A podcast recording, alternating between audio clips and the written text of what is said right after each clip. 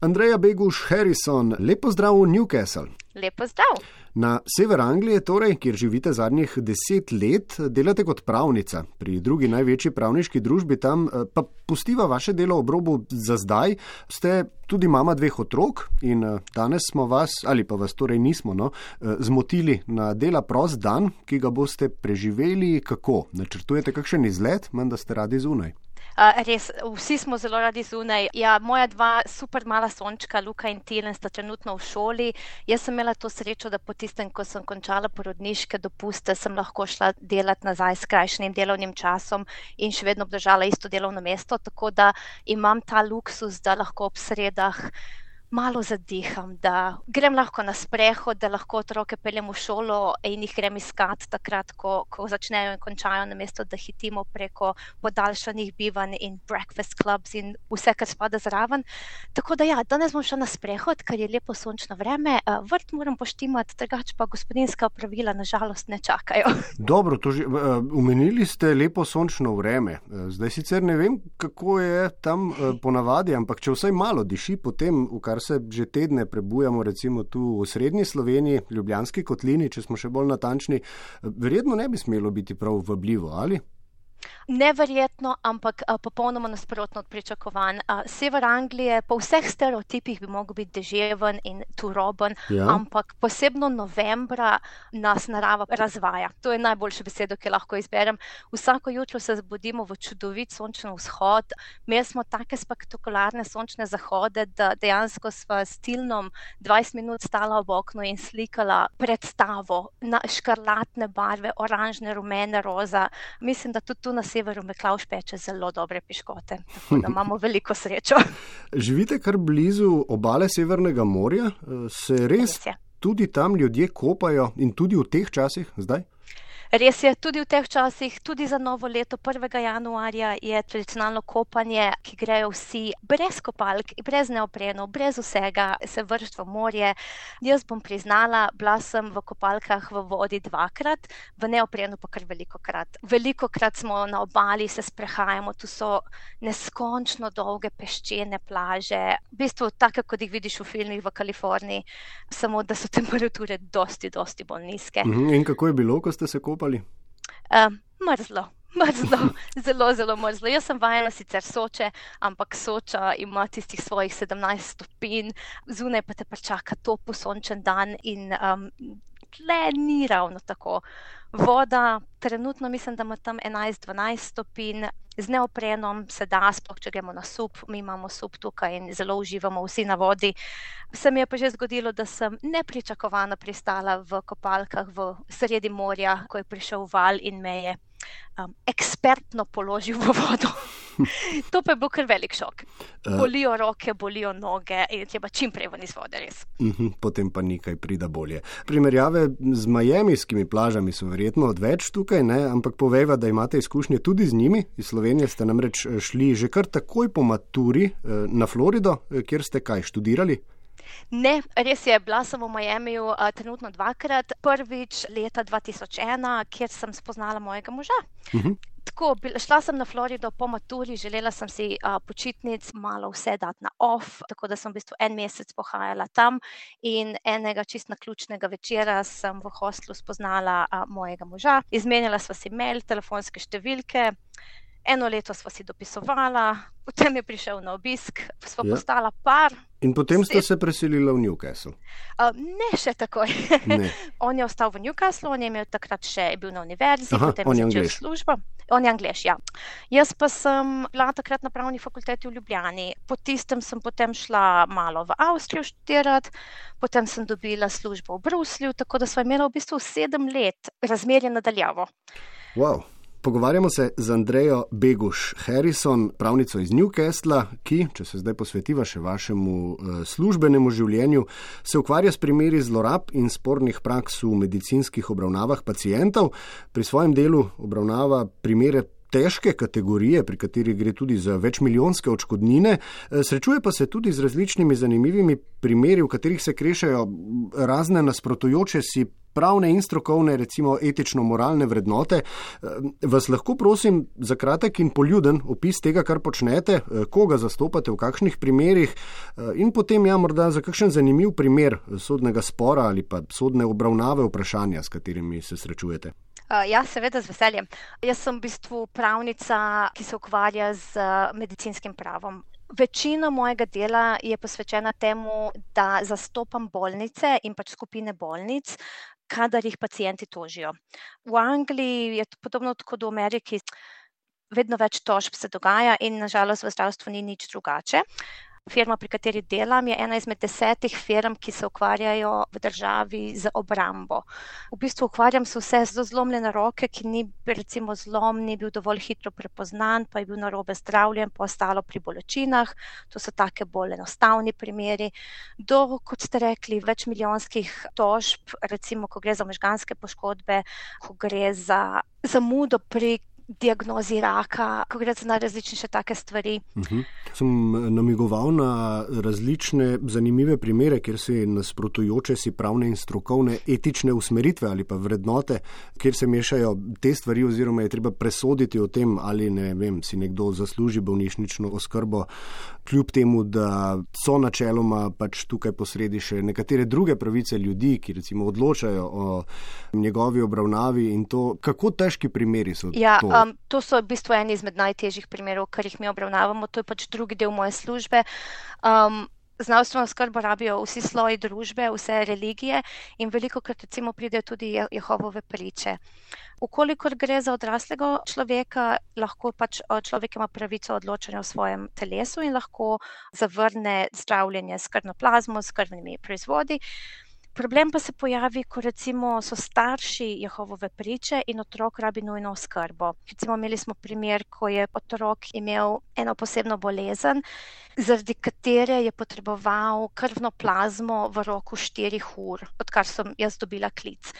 Če pa bi čakali več kot 4 ure, bi lahko prišlo do trajnih možganskih poškodb in do prizadetosti za celo življenje. Problem je bil, da pač mati kot Jehovova priča ni privolila v to, da um, otrok dobi te krvne proizvode. In takrat dobimo klic, jaz in moji kolegi. Največkrat se to konča tako, da se staršem razloži, pač, kakšen sodni proces bo sledil, in starši potem spoznajo, da ne bojo imeli izbire, potem največkrat privolijo v to. Smo pa recimo 14 dni nazaj, petek zvečer, sem dobila klic, ko je 17-letni otrok potreboval celko za hranjenje. Njegova zdravnica je bila zelo zaskrbljena, bala se je, da pač ta otrok se bo zadušil in ni želela, da bi ta otrok ostal doma v skrbi. Pogajali so se cel teden, obljubili so starši večkrat, da bojo otroka pripeljali, ampak se to ni zgodilo.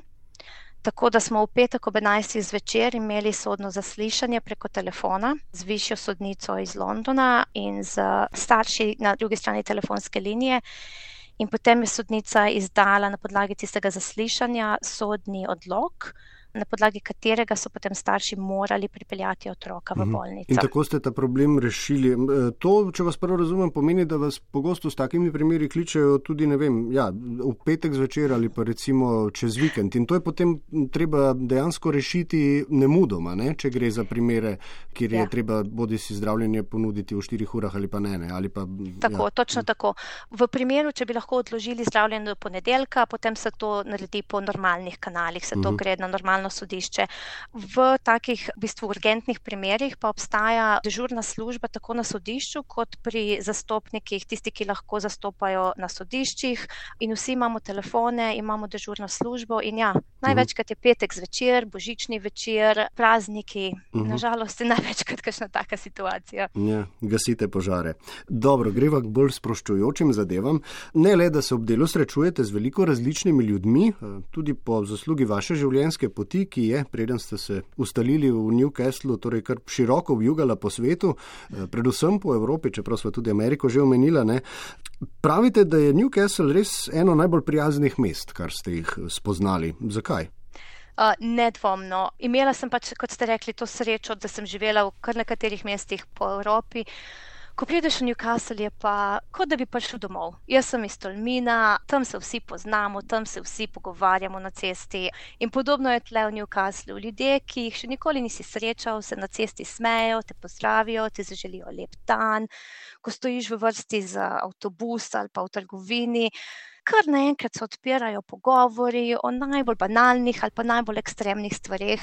In res vsak, ki pride v Newcastle, se počuti kot doma. Uh -huh. uh, mislim, da je zato moj mož ostal tukaj, zato je tudi meni tako všeč tukaj. Ja, in zato, ker ste vi dobili tam službo, ne, kot ste rekli prej. Ampak, uh, menda se lahko pogovarjaš, to ste mi rekli, preden smo začeli snemati uh, z ljudmi v Newcastlu, uh, ne glede na to, ali jih poznaš ali ne, ne uh, če jih srečaš o čemer koli.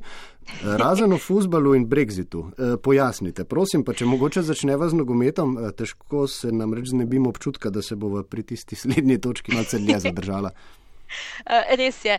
Newcastle živi in diha nogomet. Okolikor podpiraš Newcastle, so pogovori neizmerno dolgi, vsi se strinjajo, da je Newcastle najboljši klub na svetu, ne glede na to, kje smo na ligah. Kolikor pa podpiraš kakršne koli drug klub, pa boljše, da ne odpreš svojih ust, ker boš hitro dobil servirano kakšno lekcijo o tem, da kako tvoj klub pa ni dovolj dober. Uh -huh, dobro. In zdaj še k tisti drugi točki, torej Brexit. Ne? Brexit pa, ja. Ja, Brexit pa je nažalost razklal državo na pol. Ljudje odgovarjajo s čustvi na mesto z razumom, popolnoma razumljivo, ampak nažalost so družine, ki ne govorijo več sabo med seboj, so prijatelji, ki po 30 letih ne govorijo več en z drugim. Hmm. Žalostno, zelo resnično pač tema, ki je državo zaznamovala in ne bomo tako hitro preboleli. In če tega. govorimo zdaj nekako o diskurzu, ne, eh, so še druge posledice. Medtem, ko se je nad praktično vsakim kotičkom sveta z epidemijo COVID-a eh, materializiral en tak ogromen siv oblak, eh, ki mu ni videti ne začetka, ne konca ne, in ki pritiska na množice pod seboj, nad Britanci skoraj usporedno, torej zdaj že kar nekaj časa visi še to breme. Ne. V kombinaciji z epidemijo je verjetno kolektivna negotovost, eh, ki že tako zaznamovala vsak dan ljudi, še toliko večja. A tudi sami opažate podobno in kje se. Kaže ta negotovost ljudi, ta strah? Ja, definitivno. Mi smo imeli pač dve pandemiji hkrati, dve krizni situaciji. COVID-u se nažalost noben ne more izogniti, Brexit pa je dodal dodatno plast. Vse institucije, ki so že tako na robu preživetja v bistvu skoraj potisnila čez rob. Um, predvsem se to čuti v socialni pomoči, v oskrbi na domu, pri medicinskih sestrah, ki jih kronično primankuje po celi državi in na različne še storitve. Je pa Brexit, ja. Nič ni kriv Brexit. Ne glede na to, kaj se je zgodilo, poroča se samo o COVID-u. Samo COVID je povzročil vse probleme, prazne police, probleme z dobavo, kot sem rekla, pomankanje medicinskih sester, pomankanje obiralcev sadja. Mhm. Zanimivo je pač samo to, da v prvem valu tega ni bilo, dokler smo bili še v Evropski uniji. Če se posvetiva bolj tem učinkom, ki se kažejo v vsakdanjem življenju, torej pravite dobava sadja, recimo, verjetno torej ja. tudi dostopnost tega, ne? Eh, potem motnje so v dobavi raznih industrijskih materijalov, pa delovne sile pri prevozništvu in podobno. Ne? Kako se recimo to poznaste, kaj tega občutili na lastni koži tudi sami? Ja, um, nažalost sem uh, veliko tega občutila na lastni koži. Trenutno delamo prizidek hiši, uh, naša okna bi mogla biti inštalirana 27. septembra, nažalost jih še vedno ni. Upajmo, da v ponedeljek bodo, ampak uh, z dvomesečno zamudo, s petimi stopinjami zunaj, ni prijetno. Uh -huh. A, toaletnega papirja je dovolj? toaletnega papirja je dovolj, ja. Nepredstavljivo, ampak Angležem se je malce utrgalo s prvim valom korone. Začeli so vsi nabavljati vece papir. Um, mislim, da je to bilo posledica avstralske novice, da v Avstraliji primankuje toaletnega a, papirja, uh mhm. -huh. ki so jo Britanci nekako vzeli za svojo kljub temu, da se veliko več papirja proizvede v Angliji, tako da ne bi mogli biti problemov z dobave. Prazne police so pa še vedno bile in dejanske vojne, ljudje so se kregali in skoraj stepli za več papir. No, vidite, torej so imeli prav, ne? s toletnim papirjem je bil problem na koncu. E, kaj pa vsega ostalega je dovolj? Se mi zdi, ne? zdaj smo že počasi v predbožičnem času, e, vsaj po Sloveniji se počasi začenjajo izobešati e, kakšni plakati z napisi črnega petka oziroma napovedi razprodaj. Kako je pri vas? O, mi smo že božične priprave, so že v polnem teku. Začele so se, mislim, da dan po noči čarovnice, pravi 1. novembra, so se pojavili okraski, so se pojavile po radiju božične pesmi. Mariah Carey nam že dolgo poje za dobro jutro in za lahko noč. Po poročilih nas veliko opozarjajo, da moramo vse nakupe opraviti zelo zgodaj, ker so probleme z dobavo, ker drugače ne bomo dobili vsega. Je pa res, da če vlada odpove še en božič, se bo. Britancem utrgalo. Kako to mislite? Britanci obožujejo božič, zato smo tudi že v pripravah. To jim je vrhunec družabnega, vrhunec družinskega življenja, um, socialnega koledarja. Nekateri začnejo že z januarjem varčevati, da bojo lahko si privoščili vse, kar si želijo decembra. Uh, Andreja, za konec, uh, menda vas mika, da bi se preselili nazaj v Slovenijo, pa po vsem, kar ste povedali v Newcastlu, nisem povsem prepričan, da vem zakaj. Res je mene mika, da bi prišla nazaj, pogrešam družino in prijatelje, seveda. Dobro, pogrešam lepo vreme, pogrešam toploto. Pa če ste rekli, da imate hrano. novembra super vreme. Ja, imamo zelo, res, res imamo zelo lepo vreme. Ampak problem je ostalih eh, 11 mesecev. Skoraj. Pomlad jeseni so čudovite, poletje je pa mrzlo. Um, Če imamo 25 stopinj, smo zelo srečni, veliko krat pa tudi čez 20 ne gre. Tudi v mhm. plašču sem že hodila julija v službo pa hrana ni glih to ista, kot je pri nas. Ne? Vsakeč, ko gremo domov, pridemo nazaj s kavčkom polnim hrane. Ja, niste prvi, ki ste to povedali v tej oddaji. Andreja Beguš Harrison, hvala, da ste si odtrgali nekaj minut od svojega prostega dne in nam malo približali svoj vsakdanjik v Newcastlu. Eh, želimo vam vse dobro tudi v prihodnje. Srečno. Najlepša hvala za povabilo. Srečno tudi vam.